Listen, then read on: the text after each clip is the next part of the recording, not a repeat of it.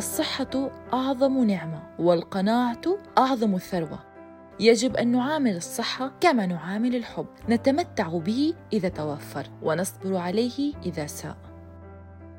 الطبيب محمود الريس طبيب الأسنان اللي رح يحل علينا الضيف لحلقة هالأسبوع رح نحكي عن شي ممكن ما يكون خاطر ببالكم أو ما نكون ملاحظين أو مهتمين لأمره بشكل كافي وهو الفم. سمعتوا عن السرطان الفموي؟ بحلقة اليوم الدكتور محمود رح يحكي لنا عنه أكثر السلام عليكم ورحمة الله وبركاته معكم الدكتور محمود الريس طبيب أسنان عام وجراحة فم حاصل على دبلومات في علاج العصب وتجميل الأسنان كيف السرطان بيتكون وكيف بيتم اكتشاف السرطان الفموي؟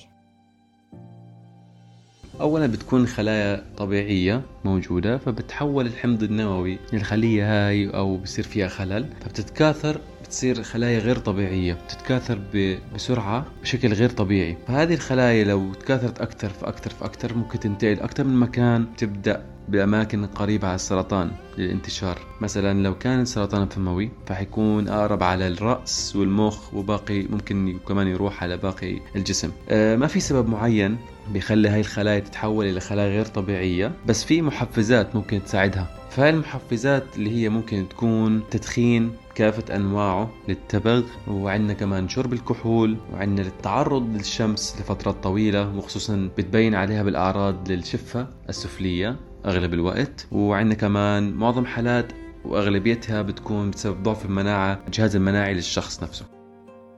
بنكتشف السرطان الفموي في أغلب الحالات. المريض ما بيعرف إذا عنده أصلا سرطان فموي في البداية عشان ما بتظهر عليه ولا أعراض ولا أي مظهر ولا بيختلف عليه المظاهر. فمثلا لو مع تطور السرطان الفموي ف بتكبر عنده الورم أو بيبين على وشه وخصوصا بالفك السفلي على جوانب الفك السفلي بيكون المظهر مضايقه أو بيأثر على مظهره الخارجي. أو بعض الأحيان الأعراض بتأثر عليه.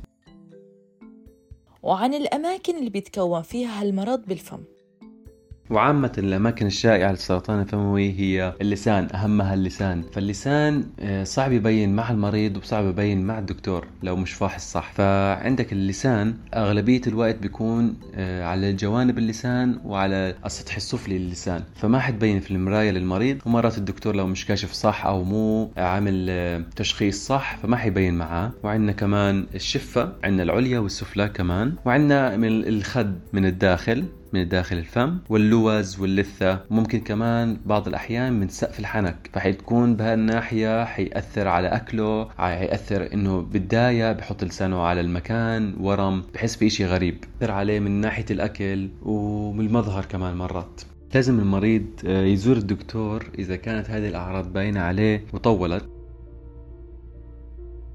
موقف عم يتذكره الدكتور محمود وحب إنه يشاركنا فيه.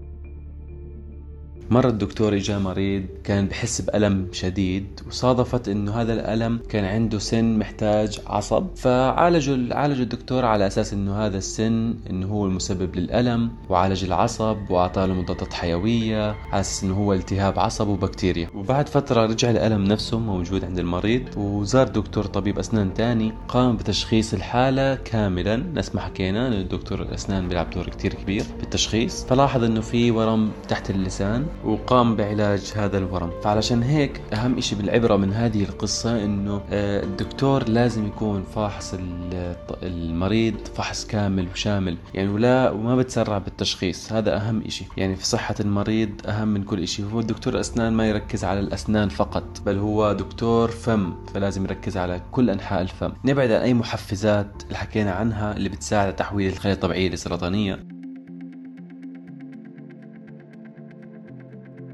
يعني المفروض والأحسن إنه بشكل دوري نراجع طبيب الأسنان وكمان نهتم بصحة فمنا بشكل أكبر وندقق ونركز على الشيء اللي بنشعر فيه إنه في شيء جديد وغريب وغير مألوف. يعني صحة الفم مهمة مثل صحة ساري جسدنا. كنتوا عم تسمعوا حلقة جديدة من بودكاست حكايتي مع السرطان؟ معي أنا غيداء مراد آخر. استنونا بأمل جديد وحكاية جديدة ومعلومات جديدة. سلام!